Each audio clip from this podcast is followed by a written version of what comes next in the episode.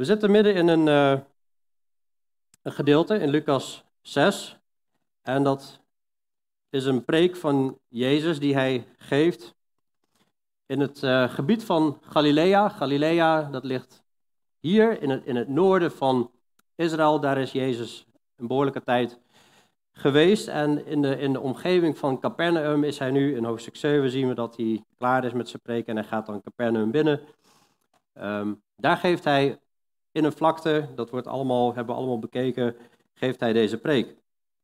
Hij heeft zalige sprekingen, we hebben het gehad over heb uw vijanden lief. Vorige keer gingen we, ja, kun je eigenlijk wel zeggen, als gemeente op de operatietafel. Keken we naar de splinter en de balk en of we niet een balk in onze eigen ogen hadden.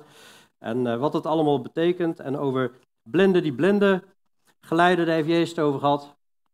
Maar geef deze preek eigenlijk aan de twaalf. Hij heeft net de twaalf geroepen. En er zijn andere discipelen bij en er is een grote menigte bij. Vanuit het zuiden van het land kwamen ze, vanuit de westkust kwamen ze. Uh, heidense steden die, die, die kwamen om het woord van God te horen. Om, om te kijken wie is die Jezus. Hij heeft net hiervoor ook heel veel wonderen gedaan. En we kijken vandaag eigenlijk maar naar een paar versen. Maar dat wil niet zeggen dat de Bijbel daar verder weinig over te zeggen heeft. We kijken naar Lucas 6, vers 43 tot 45. Daarin zegt Jezus: Er is geen goede boom die slechte vrucht voorbrengt. En geen slechte boom die goede vrucht voorbrengt. Want iedere boom wordt aan zijn eigen vrucht gekend. Men plukt immers geen vijgen aan dorens en men oogst geen druif van doornstruiken. De goede mens brengt het goede voort uit de goede schat van zijn hart. En de slechte mens brengt het slechte voort uit de slechte schat van zijn hart. Want uit de overvloed van het hart spreekt zijn mond. En daarna gaat Jezus verder met: Waarom noemt u mij Heere, Heere? En doet niet wat ik zeg. En dan komt hij met het verhaal van een wijze en een dwaze bouwer. Eentje bouwt zijn huis op zand en eentje op steen. En dat huis van zand dat, dat zakt in wanneer er moeilijkheden komen en het huis op de rots blijft staan wanneer moeilijkheden komen. En dat ene huis, dat valt op het zand en de, en, en de val van het huis was groot. Jezus is hier, is hier bezig eigenlijk ja, om scheiding te maken tussen licht en duisternis. Hoe je, hoe je wandelt in het koninkrijk van God en, ja, en, wat, en wat als je tegen hem ingaat. Dus ik raad aan, omwille van de tijd, hebben we vorige week wel gedaan. Lees nog eens thuis vanaf vers 20 tot en met het einde van het hoofdstuk voor context. En sowieso is het goed om ook, terwijl we door Lucas gaan, vaker gewoon heel Lucas te lezen thuis. En uh, ja, voor een, een, overzicht van het complete verhaal. Aan de vrucht ken je de bomen. Ik wil naar drie punten kijken. De geschiedenis van Israël. Herhaaldelijke oproep tot vruchtdragen. En uh, ja, de vruchten onderzoeken. Hoe onderzoeken we vrucht? Waarom de geschiedenis van Israël? Nou, als je de Bijbel gewoon zo in handen hebt, dan is ongeveer driekwart, bijna driekwart van de Bijbel, is Oude Testament en dat gaat over Israël grotendeels. De Bijbel begint met, in het begin schiep God de hemel en de aarde en dan in Genesis gaat het verder met hoe God een volk uitkiest en dat volk moet eigenlijk Gods heerlijkheid gaan verspreiden. Moet eigenlijk laten zien hoe het is om te wandelen met God. En dat volk heet Israël. En God had Israël verbond gegeven door de profeet Mozes. En door de tijd heen, als op een gegeven moment het volk in het land Canaan is, en we noemen dat vandaag de dag Israël, dan krijgen ze rechters, richters, ze krijgen koningen. Maar het gaat continu op en af, op en af. Dan wandelen ze weer met God. Dan wijken ze weer af. Dan moet God weer oordelen. Dan bekeren ze zich weer en dan wandelen ze weer met God. Maar dan wijken ze weer af. En zo gaat het continu in een cirkeltje rond. Je wordt er eigenlijk gewoon heel erg verdrietig van als je het verhaal leest. Ik word er in ieder geval verdrietig van. En tot tranen toe heb ik dat wel eens gehad, dat ik dacht van wauw, wat verdrietig wat, hoe ze met God omgaan. Maar ja, hoe moet, hoe moet God zich dan wel niet voelen? En dat hart van God zie je continu spreken door de profeten. God stuurt continu de profeten om te waarschuwen. Dus ik wil heel even kijken naar een stukje in Jesaja. En we moeten beseffen dat ja, in, in het jaar ongeveer 1500 voor uh, Christus, hè, toen kwamen ze op een gegeven moment kwamen ze dan uh, ja, uit, uit, uit Israël of uit Egypte, kwamen, gingen ze het land innemen. En dan rond 1000 voor Christus beginnen de koningen, heb je die eerste koningen Saul en David. En dan, ja, het gaat continu op en af. En dan 700 voor Christus, dan spreekt de profeet Jesaja. Jesaja 5, vers 1 tot 7. En ik wil dit laten zien dat het fenomeen vruchtdragen, dat dat niet vreemd is in de Bijbel. Jesaja 5, vers 1, dat begint eigenlijk Jesaja met een soort liefdesuiting naar God. Ik wil graag voor mijn beminde zingen. Een lied voor mijn geliefde over zijn wijngaard. Mijn beminde had een wijngaard. Op een vruchtbare heuvel. Hij spitte hem om en zuiverde hem van stenen.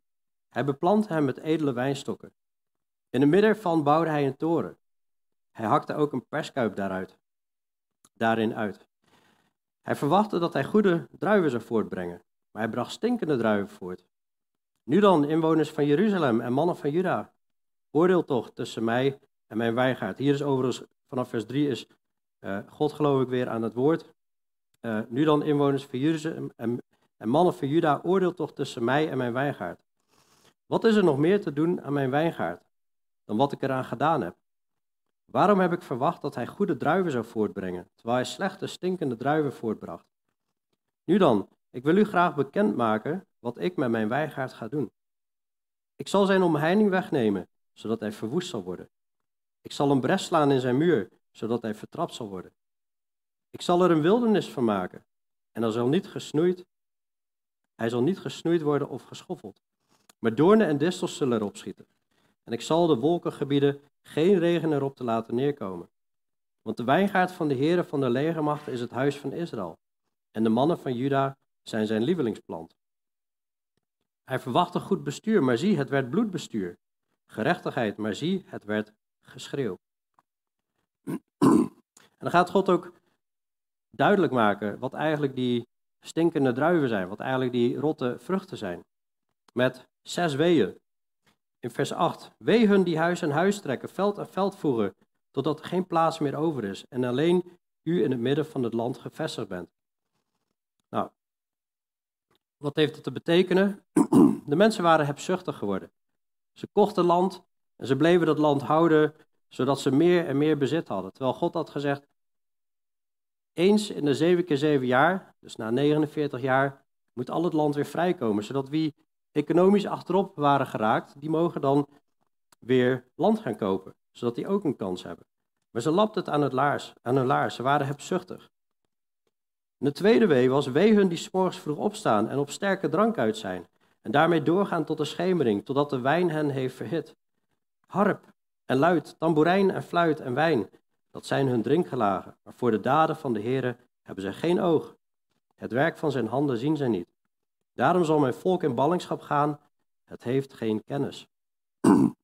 Dit is gewoon een en al feesten, feesten en nog eens feesten. Daar draait het leven om. En de volgende wee is wee hun, in vers 18, wee hun die de ongerechtigheid naar zich toetrekken met koorden van valsheid en de zonde als met dikke wagentouwen. Nou, dat kan natuurlijk van alles zijn. Het vierde wee in vers 20. Wee hun die het kwade goed noemen en het goede kwaad. Wee hun die het kwade goed noemen en het goede kwaad. Die duisternis voorstellen als licht en licht als duisternis. Die bitter voorstellen als zoet en zoet als bitter. Je ziet in onze tijd, zie je eigenlijk niet anders, hè, dat mensen het goede kwaad noemen en het kwade goed. Het huwelijk is niet goed. Nee, we hebben andere ideeën daarover. Hè? Een ongewenste zwangerschap, dat is, nee joh, kun je gewoon een einde aan maken, nou, enzovoort. En dat doen ze goed. Vers 5, wee hun die, hun, die, hun die in hun eigen ogen wijs zijn en die naar hun eigen mening verstandig. Ofwel, ze hebben eigen inzichten over wat goed is. In plaats van te kijken, wat zegt God? Mensen die in hun eigen ogen wijs zijn en naar hun eigen mening verstandig. En vers 22 is, wee hun die een held zijn in wijn drinken en dappere mannen in in het mengen van sterke drank, die de goddelozen in het gelijk stellen voor een geschenk met rechtvaardigen hun recht ontnemen. Je ziet eigenlijk gewoon, Israël is gewoon een goddeloos leven gaan leiden.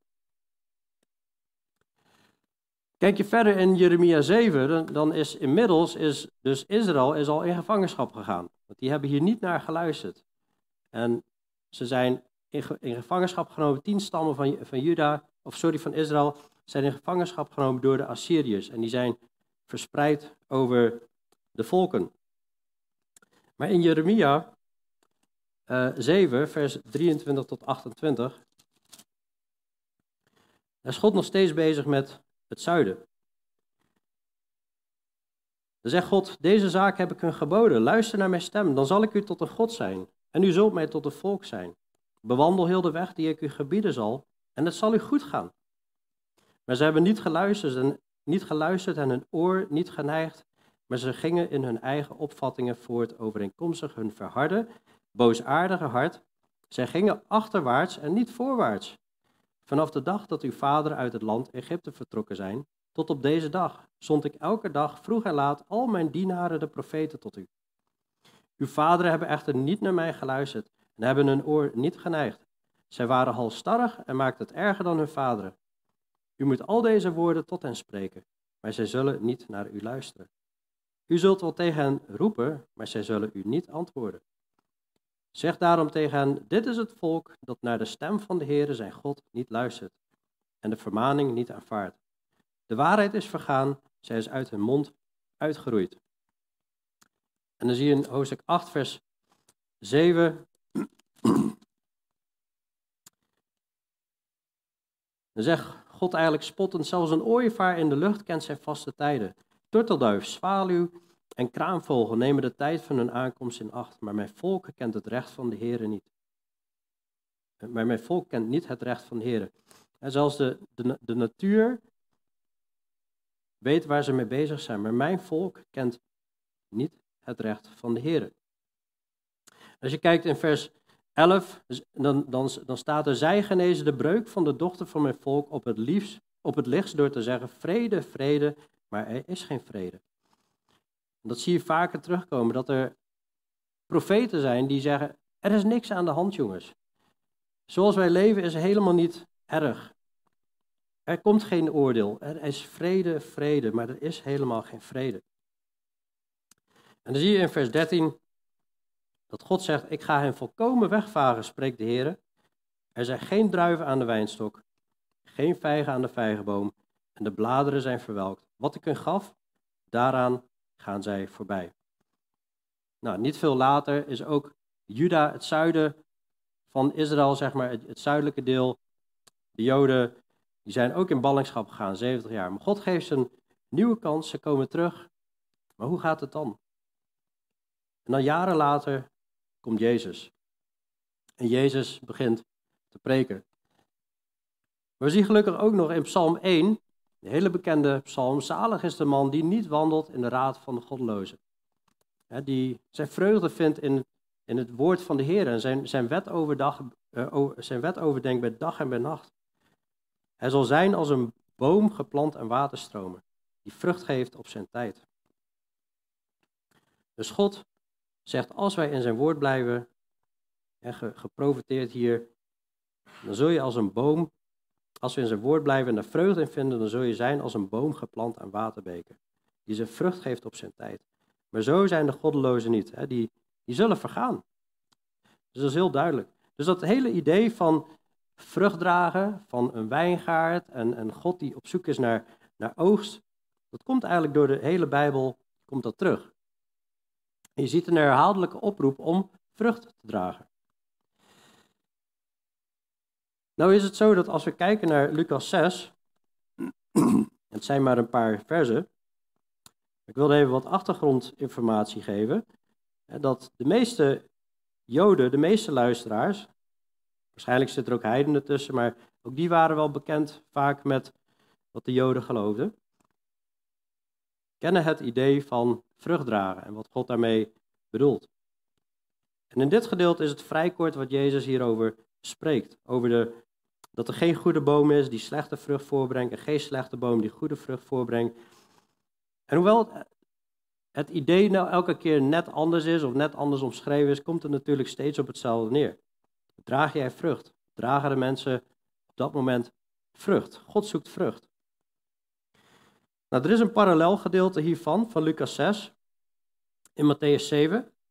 En in Matthäus 7, daar vers 15 tot 20, daar gaat Jezus iets uitgebreider in op dit gedeelte. En dan zie je ook wat duidelijker wat hij bedoelt. En dat is het mooie van dat we uh, ja, vaak hè, meerdere Bijbelboeken hebben uh, die elkaar weer aanvullen. In Matthäus 7, vers 15 tot 20, daar zegt Jezus: Wees op uw hoede voor de valse profeten, die je schapenvacht naar u toe komen, maar van binnen roofzuchtige wolven zijn. Aan hun vruchten zult u hen herkennen. Men plukt toch geen druif van doornstruiken of vijgen van distels. Zo brengt iedere goede boom goede vruchten voort, en een slechte boom brengt slechte vruchten voort. Een goede boom kan geen slechte vruchten voorbrengen en een slechte boom kan geen goede vruchten voorbrengen. Iedere boom die geen goede vrucht voorbrengt, wordt omgehakt en in het vuur geworpen. Zo zult u hen dus aan hun vrucht herkennen. Niet ieder die tegen mij zegt, Heere, Heere, zal binnengaan in het koninkrijk de hemelen, maar wie de wil doet van mijn Vader, die in de hemel is.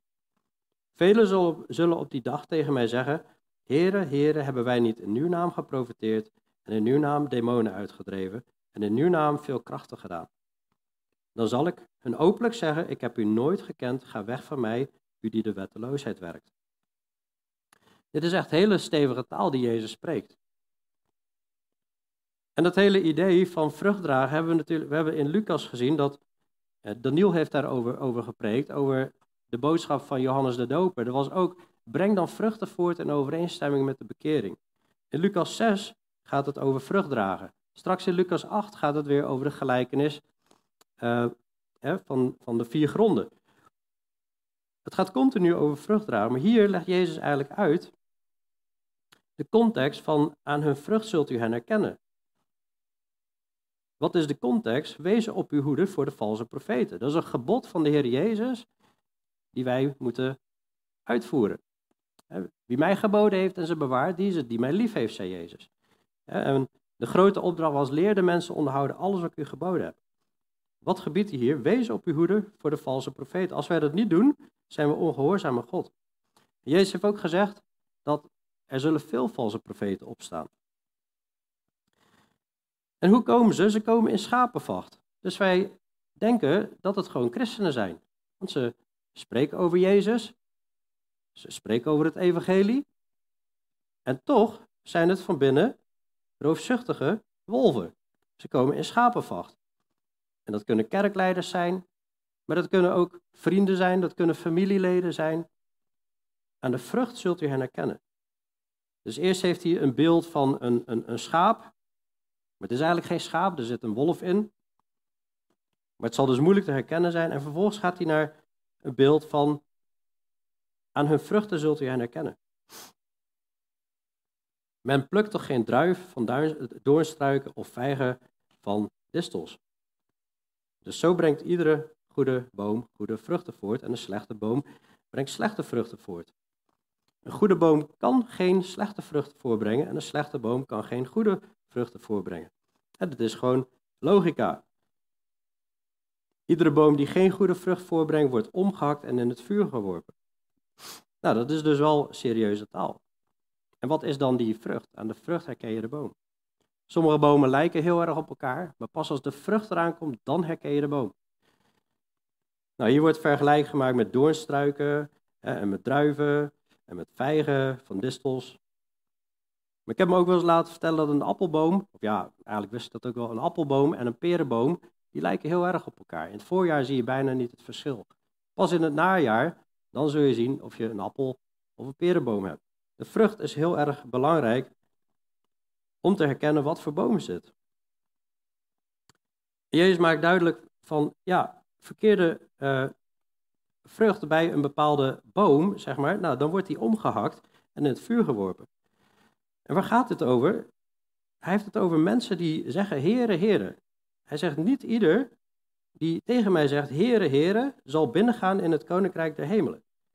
Oeh, Dat is wel lastig, want ons is toch geleerd dat als je de naam van de Heer zal aanroepen, zal je zalig worden. En dat is ook waar. Als je met, de, met je mond de Heer Jezus zult beleiden, met je hart geloven, dan zul je gered worden. tegelijkertijd zegt hij dat er nepgelovigen zijn, schijngelovigen. En die hebben geweldige dingen gedaan. Maar die zullen niet binnengaan in het koninkrijk der hemelen. Maar wie de wil doet van mijn vader die in de hemel is. Want wat gaan ze allemaal zeggen? Velen zullen dat zeggen. Het is niet een paar, dit gaan er veel zijn. Dus we moeten echt oppassen. Als het te veel zijn, dan moeten we ervan uitgaan dat binnen christendom er veel verloren gaan. Dat zegt Jezus. Velen zullen op die dag tegen me zeggen: Heer, Heer, hebben wij niet in uw naam geprofiteerd, demonen uitgedreven en in uw naam veel kracht gedaan? Wow. Maar dat is toch ook de wil van de Heer? Nou ja, toch zegt hij dat ze hier de wetteloosheid doen. Dus als iemand wonderen en tekenen doet, dat zagen we al in Deuteronomium 13, als iemand een wonder en een teken doet, maar die brengt je eigenlijk weg van de ware God. Geloof hem niet. Zulke mensen moesten in het Oude Testament zelfs gedood worden. Jezus zal openlijk zeggen, ik heb u nooit gekend, ga weg van mij, u die de wetteloosheid werkt. Nou, dat is wel echt hele, hele serieuze taal. Ofwel, hij zegt, we moeten ons bekeren. We worden gered uit genade door het geloof. Maar de wilde van de Vader is het evangelie geloven. Dat Jezus gestorven, hij is begraven en hij is opgestaan. En daarin te geloven, dat geeft eeuwig leven. Dat geeft ons redding. Dat is het eerste wat de wil is van de Vader. Maar hij roept ook op tot, tot gehoorzaamheid. Die, die, de, de rest die werken, dat redt ons niet. En tegelijkertijd is Jezus wel voor ongehoorzaamheid gestorven. Dus het zou hypocrisie zijn. En daar had Jezus het daarvoor over. Vorige week hebben we het daarover gehad. over die balk in je oog die eruit moet. En dat we ons moeten bekeren en oprecht gaan wandelen. En Jezus gehoorzamen. want er zullen mensen zijn, en ik hoop van harte dat niemand die hier zit erbij zit. En Jezus zal tegen je zeggen, ga weg van mij. Je wilde alleen maar zondigen, je wilde alleen maar ongehoorzaam zijn. Jij bent helemaal niet bekeerd. Wegwezen. En wegwezen betekent het eeuwige oordeel in. Vreselijk. Dus op het moment dat wij de zonde ruimte geven, en, en, en we geven het nog meer ruimte en nog meer ruimte, en nog, dan begint daar een vrucht te groeien. En pas op dat die niet gaat rijpen. Dat is eigenlijk de boodschap. Nou, ik vind hem heel serieus. Dus daar moeten we heel erg goed naar luisteren. Nou, ik zei al, er zijn meer gelijkenissen over het idee van wat de boeren doen. Jezus gebruikt eigenlijk het werk van de boeren om eigenlijk het geestelijke duidelijk te maken. De gelijkenis van de zaaier. Het zaad is het woord van God, dat wordt rondgestrooid. Jezus is de zaaier. Maar goed, wij nemen dat nu over. En dan heb je vier verschillende gronden. En de ene grond, daar komen de vogels en die pikken het weg. Gaat het ene oor in, het woord van God gaat ene oor in, het andere oor uit. De tweede, die heeft geen wortel. En de zon komt op en het verdort. Het plantje verdort. Dat is als er verdrukking komt omwille van het woord van God. Dan houdt het geen stand, dan haken ze af. Maar ze namen het wel met vreugde aan. Dus mensen die helemaal in het gevoel Gods woord aan, oh, ik word er helemaal blij van. En die haken daarna af. En die derde grond, en die vind ik eng. Dat is de grond waar iets op komt groeien. En je denkt, wauw, dat is een christen. En toch denk je elke keer, waar blijft die vrucht? En dan komen de doorns en de distels en die groeien tegelijkertijd op en die verstikken dat plantje, die verstikken het woord. En wat zijn die doornen en distels? Zijn de zorgen van het leven, de genietingen van het leven en de rijkdom. En de meeste mensen die afhaken in het geloof, dat is terug te leiden op een van die dingen. Zorgen maken, richten op de genietingen of men gaat voor het geld. Maar er is één grond, gelukkig, en daar krijgt het woord van God alle ruimte. En die draagt vrucht. Die neemt continu het woord van God tot, uh, tot zich. En die, neemt, die, die gaat vrucht dragen. Wel, wel de ene dertigvoudig en de ander zestigvoudig en de ander honderdvoudig. God krijgt alle ruimte. En dat is heel gaaf. Als we God alle ruimte geven, dan gaat Hij dingen doen. Wij blijven gewoon in zijn woord, we gehoorzamen en dus, het is bizar wat je God zal zien doen. Daar kan ik ook wel een uur een preek over houden, over bijzondere dingen die God allemaal doet, wanneer we gewoon Hem gehoorzaam zijn. Dan heb je gelijkenis ook in Matthäus 13. Meteen daarachteraan komt de gelijkenis van de akker. Het koninkrijk van de hemelen wordt vergeleken met de akker. De gemeentetijd wordt vergeleken met de akker. God zaait daar en er komt gewas omhoog. En tegelijkertijd in de nacht gooit de boze, de vijand, die gooit onkruid ertussenin. En in Israël heb je een onkruid wat heel erg lijkt op tarwe. Dat groeit tegelijkertijd op. En net op het eind, als de vrucht tevoorschijn komt, zie je het verschil. En bij de oogst zullen ze uit elkaar gehaald worden. Dus ook daarin zie je dat in christendom er zullen schijngelovigen en gelovigen zijn. Die oprecht Jezus volgen. In Matthäus 21 heb je gelijkenis van de landbouwer, de slechte landbouwer. Hetzelfde idee als eigenlijk bij Jezaja en Jeremia. God heeft een wijngaard. Hij heeft mensen die moeten dat onderhouden en dan stuurt hij mensen om de vrucht op te halen. En wie zijn dat? Dat zijn de profeten, maar ze slaan ze dood. Ze stenigen ze. En dan de ene naar de andere stuurt God. En op het moment dat God zegt, hè, die landeigenaar die zegt, weet je, ik zal mijn zoon sturen, die zullen ze sparen. Maar ook die wordt gedood. En dat is al een profetie over Jezus die zal sterven. En dan heb je natuurlijk niet te vergeten het verhaal van de ware wijnstok. Dat Jezus zei, ik ben de ware wijnstok. Blijf in mij, dan zul je veel vrucht dragen. Zo niet, wordt iemand eruit gegooid en ook verbrand. Blijf in mij, dan zul je vrucht dragen. En iedere rank die, in mij vrucht draagt, die snoeit de Vader, zodat hij nog meer vrucht draagt. En hoe blijf je in Jezus? Door in zijn liefde te blijven. Hoe doe je dat? Door in zijn woorden te blijven, legt hij uit. Hoe blijf je in zijn woorden? Door ze te gehoorzamen, zegt Jezus. En dan zal je blijdschap zal voorkomen worden. Hij belooft niet volkomen omstandigheden, maar je blijdschap zal voorkomen worden. En zo zie je continu beelden vanuit het boerenleven, vanuit de landbouw. En dat God dit gebruikt, dat Jezus dit gebruikt om de mensen geestelijke lessen te leren. Dus dan hebben we wat meer achtergrond. Op het moment dat mensen hier zitten te luisteren, hebben ze al een geschiedenis vanuit het Oude Testament. Ze kennen de landbouw. En Jezus spreekt hier over goede en slechte bomen. En aan de vruchten zul je de boom herkennen. Dan moeten we natuurlijk toe gaan passen op onszelf. Wat voor vrucht dragen wij? Dat is natuurlijk elke keer de les. Praktisch maken naar onszelf. We kunnen denken, oh, die Joden, stom van ze zeg. Ja, meerdere keren in gevangenschap. Wat een dwaze. En vervolgens in het jaar 70 na Christus is de tempel weer verwoest en, en zijn ze 1900 jaar in gevangenschap gegaan. En recentelijk zijn ze, vorige eeuw, teruggekomen in hun land. En nog steeds. Wat een dom volk, kun je denken. Maar ja, de boodschap is naar onszelf. Wat voor vrucht dragen wij? Nou, ik heb niet eens alle verhalen gehad. Er zijn nog veel meer. En wat deed Jeruzalem hiermee? Jeruzalem, Jezus zei op het eind, na een donderpreek, na de fariseeën, naar de joden in die tijd. Jeruzalem, Jeruzalem, u die de profeten doodt en stenigt wie naar u toegezonden zijn. Hoe vaak heb ik uw kinderen bijeen willen brengen op de wijze waarop een hen haar kuikens bijeenbrengt onder haar vleugels. Maar u hebt niet gewild. Zie, uw huis wordt als een woestenij voor u achtergelaten. Want ik zeg u, u zult mij van nu af aan niet zien, totdat u zegt, gezegend is hij die komt in de naam van de Heer. Israël gaat zich bekeren. Dat is de betekenis van die laatste zin. Maar Eerst zal hun huis, de tempel, verwoest worden. Ze hebben het woord van God verworpen. Dat is uiteindelijk de eindboodschap van Jezus. Ze worden woest, ze worden woest. En niet veel later wordt hij gekruisigd. Misschien denk je, ja, maar hoe zat het dan met die mensen in Capernaum, waar Jezus nou is of in de buurt is? Ik weet niet of je nog kan herinneren, toen we eerder bezig waren dat Jezus in Nazareth was. Toen werd gezegd, jullie zullen op een dag zeggen, oh, werden bij ons maar die wonderen en tekenen gedaan in, die in Capernaum gedaan werden. Maar die grote wonderen en tekenen werden in Capernaum gedaan.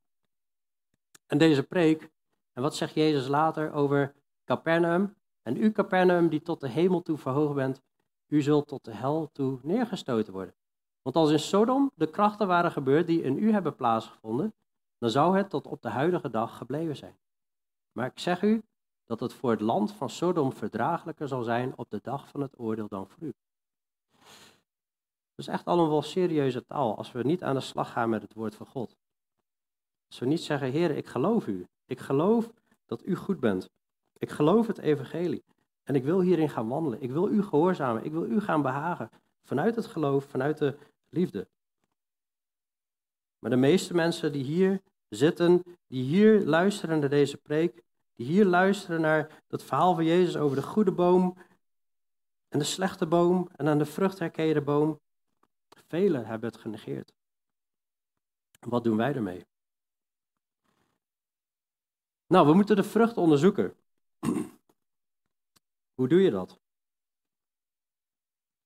Als je kijkt naar de context vergeleken met Matthäus 7, dan gaat het hier dus over, er zullen mensen komen die zich voordoen als christen, maar verbinnen zijn ze wat anders. Die zullen zich voordoen als een bepaalde boom, maar die geven vruchten die je niet verwacht. En aan de hand van dit stukje wil ik een paar dingen laten zien. 2 Korinthe 11, vers 3 zegt, dit, dit is geschreven aan een kerk. En dan zegt Paulus, de apostel, ik vrees dat zoals de slang met zijn sluwheid Eva verleid heeft, zo misschien ook uw gedachten bedorven worden weg van de eenvoud die in Christus is. Want als er iemand komt die een andere Jezus predikt, die wij niet gepredikt hebben, of als u een andere geest ontvangt dan die u ontvangen hebt, of een ander evangelie dat u niet aangenomen hebt, dan verdraagt u dat best. Dus er kwamen mensen die een andere Jezus predikten, een andere geest en een ander evangelie. En de mensen verdroegen het ook nog. Ze het bijna niet in de gaten, lijkt het. En Jezus, of, of Paulus zegt in datzelfde gedeelte, en dat Satan verandert zich als een engel van het licht en zijn dienaren zullen dat ook doen. Ze zullen zich voordoen als dienaren van de gerechtigheid. Met zijn handlangers van de Satan. Dus die lopen binnen de kerk rond met een Bijbel onder de arm. Dat is echt bizar. Dus daarom moeten we letten op de vruchten. Wat spreken ze en hoe gedragen ze zich? Een andere Jezus, nou ja, er zijn, zoals de Jehovah-getuigen, die zeggen, Jezus is maar een engel. Jezus is niet God. Hij is maar een engel. Dat is een, ander, dat is een andere Jezus. Of de Mormonen die spreken over, ja, Jezus, dat is de broer van Satan. En hebben ook weer een andere invulling van wie Jezus is. Dat is gevaarlijk. Maar goed, er zijn ook mensen die prediken een, een, een Jezus plus een andere bemiddelaar. Je kunt via Maria tot Jezus bidden. Dat is een andere Jezus. Maar goed, hè, dat is over Jezus. Maar als iemand komt hè, die een andere Jezus spreekt, dan moeten we natuurlijk niet aannemen. Of als u een andere geest ontvangt dan die u ontvangen hebt. Hey, dat is interessant. Maar hoe weet je nou precies hoe je een andere geest ontvangt? Hoe herkennen we nou het verschil tussen de Heilige Geest en een andere geest? Nou, we gingen ooit door het uh, Johannes-evangelie. En daar spreekt Jezus in Johannes 16 over kenmerken van de Heilige Geest. En ik noem ze even kort. Als hij het heeft over de Heilige Geest, dan is het de geest van de waarheid en die zal je leiden in heel de waarheid. En hier voor ons, de Bijbel, is de waarheid. Dus als de geest van God werkzaam is, dan gaat hij jou leiden naar Jezus. Jezus is de waarheid, hij gaat je leiden naar het woord van God. En die gaat leren dat het woord van God is gezaghebbend, is onfeilbaar. Dat is wat we horen te onderwijzen en niets anders. Dus als de geest van de waarheid aanwezig is, dan zal er ook liefde voor de waarheid zijn. Hij wordt ook de trooster genoemd, of de helper. Er zullen woorden van genade zijn en van vertroosting. En dat is ook mooi als je door Lucas gaat. Oké, vandaag is best scherp natuurlijk die woorden. Maar ook dat is genade. Maar in Lucas zagen we hele mooie woorden van de Heer Jezus.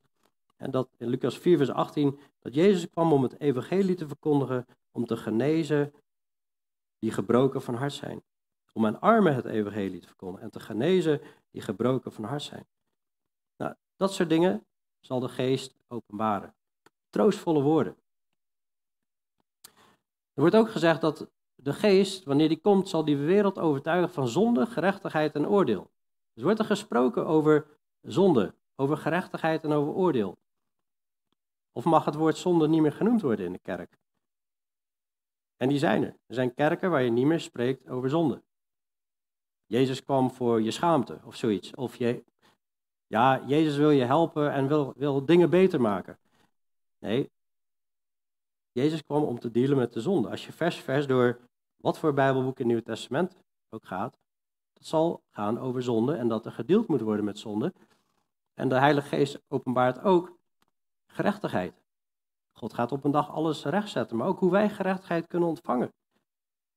Maar ook over oordeel. Jezus spreekt over oordeel, dus de Heilige Geest zal ook spreken over oordeel. En als mensen het boek Openbaring niet durven aan te raken, oeh, ergens snap ik het, het is best een heftig boek. En tegelijk, tegelijkertijd, waar, waarom zouden we Openbaring niet aanraken, maar de fijne gedeeltes wel? Dat is toch allemaal het woord van God. Mag dat allemaal gesproken worden? De toekomende dingen. Wat er allemaal gaat gebeuren. En we hebben daar gelukkig bij Huis van God vaak bij stilgestaan. En dat geeft inzicht in wat er in deze tijden aan het gebeuren is. Dat geeft inzicht in wat zich aan het ontwikkelen is op het wereldtoneel. En vooral wordt Jezus verheerlijkt. De Heilige Geest kwam niet om zichzelf te verheerlijken, maar hij zal Jezus verheerlijken. Dus als het op een gegeven moment meer over de Heilige Geest gaat dan over Jezus, dan is er iets mis. De Heilige Geest wordt in het Nieuwe Testament, volgens mij in heel de Bijbel niet, verheerlijkt. Niet verheerlijkt en aanbeden. Natuurlijk, hij is God, maar God de Vader wordt aanbeden en Jezus wordt aanbeden. En de Heilige Geest verheerlijkt Jezus. Dus het zijn kenmerken wanneer je kan zien of de vrucht goed is. Ook Johannes doet hetzelfde. Beproef de geesten of ze uit God zijn, in Johannes 4. Want er zijn veel valse profeten uitgegaan. Nou, hij noemt drie dingen in 1 Johannes 4. Wat leren ze over Jezus? Spreken ze als de wereld? Ah, is zonde wel zo erg? Ah, valt eigenlijk ook wel mee. En het is helemaal niet zo erg om helemaal op carrière gericht te zijn. En nou ja, vul maar in. En luister eens naar de apostelen. We hebben mensen zoiets van, ah, die apostelen, weet je wel, ja, is allemaal bijzaak, zijn allemaal meningen. Nee, dat is ook het woord van God. Paulus zei, als iemand denkt dat hij een profeet is of een geestelijk mens, laat hij dan erkennen dat wat ik u schrijf geboden van de Heer zijn. Op het moment dat iemand begint, ja, er is wel, ja, dat staat er wel, maar ik weet niet of ik dat letterlijk moet nemen. En ja, ach, kun ook anders interpreteren. En dan ga je schrift met schrift vergelijken. Maar dat is, dat is heel vaak van, oeh, pas op. Wanneer steeds gedraaid wordt aan Gods woord, pas op. Dus zo kun je de vrucht onderzoeken. Wat spreken ze over Jezus? Herken je de geest van God of is het een andere geest? En, en het evangelie. Hoe wordt er gesproken over het evangelie? Nou, er is maar één evangelie. De tekst is een beetje klein geworden, normaal zit het op dat scherm. In 1 Korinthe 15 wordt het evangelie uitgelegd. Waardoor je zalig wordt. Dus dat je gelooft dat Jezus is gestorven, hij is begraven en hij is opgestaan. En de Romeinenbrief en de rest van het Nieuwe Testament legt uit dat op het moment dat Jezus stierf, op dat moment kwam, kwamen onze zonden op Jezus. Hij werd geoordeeld en zijn onschuld komt op ons, als wij dat geloven in ieder geval. Jezus is gestorven, begraven en opgestaan. En geloof dit en hou eraan vast, zegt Paulus. we zijn gered uit genade door het geloof. Dat is het evangelie. Niet uit werken, zodat niemand kan zeggen, oh, moet je kijken hoe goed ik gewerkt heb. Maar er wordt ook opgeroepen, bekeer je en laat ieder van u gedood worden in de naam van Jezus Christus tot vergeving van de zonde en u zult de gave van de Heilige Geest ontvangen. Nou, het andere gedeelte wordt duidelijk, je ontvangt de Heilige Geest op het moment dat je gelooft, maar op dit moment, die mensen geloofden, bekeerden zich, ontvingen de Heilige Geest allemaal op hetzelfde moment. Dus bij het geloven van het evangelie hoort ook de doop. Ik ga nu niet heel diep in op de doop. Dat hebben we al vaker gedaan. We hebben inmiddels ook een preek over de doop, de Bijbelse doop, waar we heel gedetailleerd ingaan over waarom dopen we iemand op basis van het geloof en gaat iemand onder water. Het is een begrafenis om op te staan in nieuwheid van leven op basis van het geloof. Dat hoort erbij. Een ander evangelie is bijvoorbeeld, nee, je wordt pas gered als je ook deze en deze en deze sacramenten erbij doet. Dat is werken toevoegen aan het evangelie. Of de oude wet toevoegen. Dat gebeurde in het Nieuwe Testament. En ik heb altijd gedacht van de gelaten brief van, ja, dat is niet echt voor deze tijd, toen ik opgroeide. Dat was vroeger. En inmiddels is er weer een hele nieuwe stroming van mensen die teruggaan naar de oude wet. En de oude wet, het oude verbond, gaan mengen met het nieuwe verbond. Leerstellig. Of allerlei werken toevoegen om gered te worden. Of misschien een half evangelie. We focussen alleen op genade, we spreken niet over oordeel. Maar er zijn ook kerken die spreken alleen maar over oordeel en niet over de genade. Beide zijn heel gevaarlijk. Of gewoon, we delen gewoon het evangelie niet. Dat kan ook nog. Dat gebeurt ook, dat er kerken zijn waar gewoon niet het evangelie gedeeld wordt. En denk, ja, nee, dat kan toch niet? Ga maar eens mee evangeliseren. We staan heel vaak hier in Eindhoven en we komen heel veel mensen tegen die zich christen noemen. En op het moment dat we vragen wat volgens hun het evangelie is, oh, heel veel weten het echt niet. Dat is echt heel raar. Ze zijn jaren opgegroeid in de kerk. Hoe kan dat? Omdat het evangelie niet heel duidelijk uitgelegd wordt. Evangelie is super belangrijk om te blijven halen. Daarom is het avondmaal ook belangrijk, zodat we steeds eraan herinnerd worden wat Jezus gedaan heeft. De alverzoening aan de evangelie. Uiteindelijk wordt iedereen gered. Dat is eigenlijk een minachting van het offer van Jezus. Uiteindelijk wordt iedereen gered. Dus, nou, dan leef ik lekker verder. Uh, ja, dan ga ik ook niet moeilijk doen om te bekeren. Het is een valse evangelie. Of na het evangelie komt, dat is allemaal secundair. Daar moeten we niet zo moeilijk over doen. Secundair, betekent, heeft niet de allerbelangrijkste plek. Maar waarom is het evangelie er eigenlijk? Waarom stierf Jezus aan het kruis? Dat was vanwege ongehoorzaamheid. Dus als God daarna oproept om te gehoorzamen en we gaan ongehoorzaam zijn, dan kunnen we dat toch niet secundair noemen. Dus het hele uh, evangelie legt Paulus uit, van in, in, in de Romeinenbrief, dat het doel van het evangelie, dat zegt hij al in Romeinen 1, is om de heidenen te brengen tot geloofsgehoorzaamheid. In Romeinen 15 en 16 spreekt hij er weer over, omdat dat het doel van het evangelie is om de heilige, sorry, om de heidenen, de gelovigen, te brengen tot geloofsgehoorzaamheid. Dus dan faal je eigenlijk in de geloofsgehoorzaamheid en doe je afbreuk aan het evangelie. Daar is het evangelie voor om de ongehoorzaamheid, de zonde, te bestraffen aan het kruis, zodat we vanaf nu in gehoorzaamheid leven, door de kracht van de Heilige Geest. Nou, een leven van godsvrucht, een leven van godsvrucht, ziet er zo uit.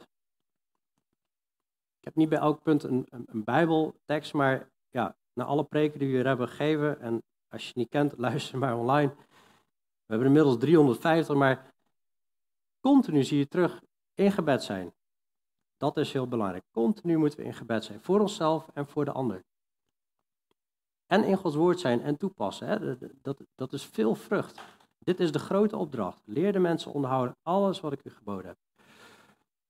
Geen menselijke bedachte tradities toevoegen. Hè? Of leringen van mensen. Dat is waar Jezus de fariseeën op afstraft. Jullie hebben een mooie manier om het gebod van God terzijde te stellen om je te houden aan je eigen overleveringen je eigen tradities. Staat Gods woord dus centraal? Dat is een goede vrucht. Dat is de vrucht die God wil. En dat we dat toepassen. Of gaan we van hype naar hype? Er is weer iets nieuws, er is daar iets nieuws. En continu zie je christenen van hype naar hype naar hype gaan. En daar vraagt Gods woord niet om. Gods woord toepassen, dat brengt liefde en rust. In de gemeente hebben we hoe, hoe, hoe passen we dat toe? We dienen God en we dienen elkaar in waarheid. We helpen, we zorgen, we ontfermen ons over elkaar, maar wel in een heilige levenswandel. Dat is wat God vraagt. Maar ook in het gezin. En passen we die liefde toe en die verdraagzaamheid. En aan de familie. In 1 Timotheus 5 is dat geloof ik. Er wordt op een gegeven moment gesproken dat als iemand een weduwe is in je familie en je gaat daar niet voor zorgen, je kijkt er niet naar om, dan ben je nog erger dan een goddeloze. Dit is godsvrucht, spreekt Paulus over. Op de werkvloer, hoe ga je met je collega's om? Ben jij een eerlijke, oprechte, liefdevolle, verdraagzame collega? Deel je het evangelie op werk? Hoe ga je om met je buren? En op social media? Is makkelijk hè, achter een schermpje. Jij rotte. en dan ondertussen naar de kerk. Een leven van godsvrucht bestaat uit de levensheiliging en de begeerte van de wereld ontvluchten. Hebreeën 12 zegt, jaag de vrede na met allen en de heiliging, zonder welke niemand de Heer zal zien. Dus een juiste houding, ook in conflicten, is ook heel belangrijk. Het is makkelijk om christen te zijn als alles goed gaat. Maar als er conflicten komen, wat verhouding heb je dan? Colossense 3 spreekt over, kleed u zich dan als uitverkoren van God, heilige en geliefde met innerlijke gevoelens van ontferming. Vriendelijkheid, nederigheid, zachtmoedigheid, geduld. Verdraag elkaar, vergeef de een de ander. Als iemand tegen iemand anders een klacht heeft, zoals ook Christus u vergeven heeft, zo moet u ook doen. En kleed u zich boven alles met de liefde die de band van de volmaaktheid is. En laat de vrede van God heersen in uw harten, waartoe u ook in één lichaam geroepen bent en wees dankbaar. Hoe laat je de vrede van God heersen in je harten? Door God alle ruimte te geven, door continu in gebed te zijn, door ruimte te geven aan Gods woord. Dan zul je veel vrucht dragen. Dat staat op heel veel plekken en de vrede van God heerst dan. En niet te vergeten, en volgens mij is dit de laatste, de vrucht van de geest is liefde, blijdschap, vrede, geduld, vriendelijkheid, goedheid, geloof, zachtmoedigheid en zelfbeheersing. Word vervuld met de geest, met de dingen van God. dus als ik continu Gods woord lezen, continu in gebed zijn, continu de gemeente bezoeken en, en gezonde voeding tot ons nemen, dan komt dit er allemaal uit. En dit is wat God wil, gewoon bakken vol met vrucht zien in ons leven. God wil hier op een dag, wat als de opname vandaag of morgen plaatsvindt, Vindt God dan stinkende druiven of vindt hij bakken vol met vrucht? Hoe vindt hij jou?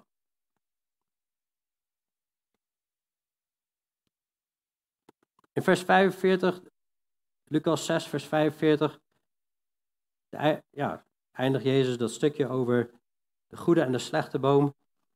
De goede mens brengt het goede voort uit de goede schat van zijn hart.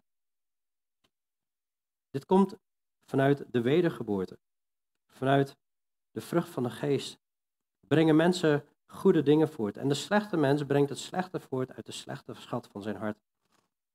Natuurlijk struiken we allemaal wel eens, maar dan beleiden we onze zonde. Een christen hoort niet continu door te leven in zonde. Een christen hoort Gods woord te onderzoeken en de waarheid recht te snijden en dat te gehoorzamen. Wat voor vrucht draag je? Uit de overvloed van het hart spreekt zijn mond. Daar komt die uitdrukking vandaan. Waar het hart vol van is, daar loopt de mond van over.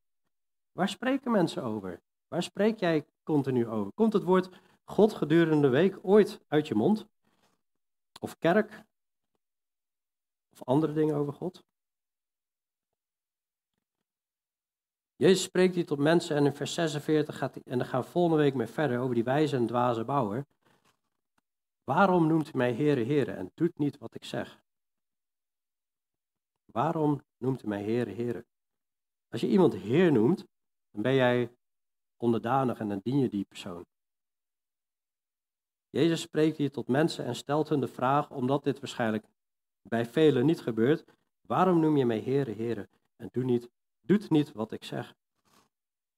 De oproep is natuurlijk, misschien ben je geconfronteerd vandaag, het is confronterend. De punten waar je misschien mee geconfronteerd bent, bekeer je daarvan. En ga vanaf nu wel de wil van de Heer doen. Vanuit geloof, vanuit de liefde. En ga vrucht dragen. Dertigvoudig, zestigvoudig, honderdvoudig. Gewoon geduldig in Gods woord blijven toepassen en ga zien wat God voor grote dingen door jou heen kan doen. Zullen we bidden?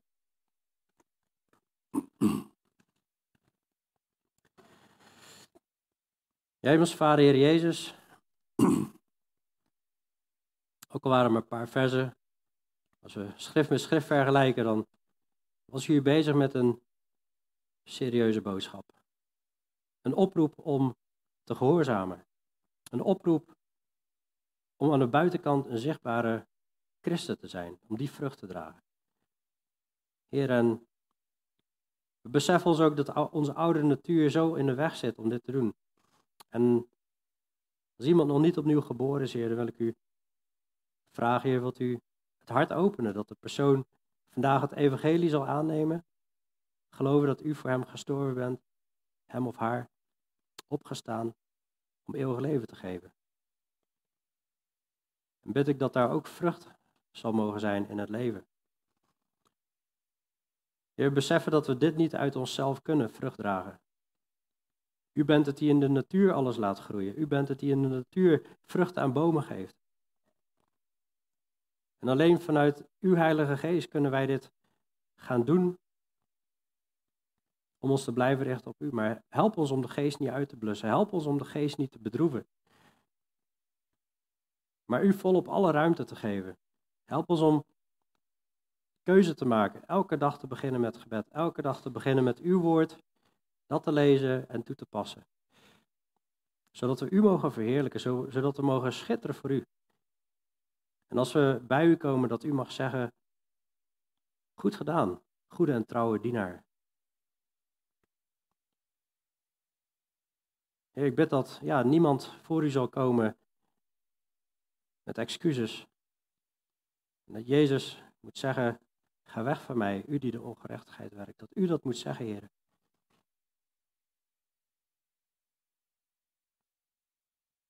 Dus ik vraag u, Heer, dat we allemaal in, in ons hart echt op de knieën gaan voor u. Ons verootmoedigen, ons vernederen voor uw aangezicht. En vanaf, vanaf vandaag echt u gaan volgen. Heer, ik dank u ook voor degenen die zich uh, willen laten dopen, Heer. Dat uh, ze ook de keuze maken om u te gaan volgen. In gehoorzaamheid. Het evangelie hebben aangenomen en in gehoorzaamheid u verder willen volgen om vrucht te dragen. Dank u wel voor uw woorden. Dank u wel dat u scherp bent, anders worden we lui en lauw. Heer, en uh, nogmaals, help ons en zegen ons daarin. In Jezus' naam. Amen.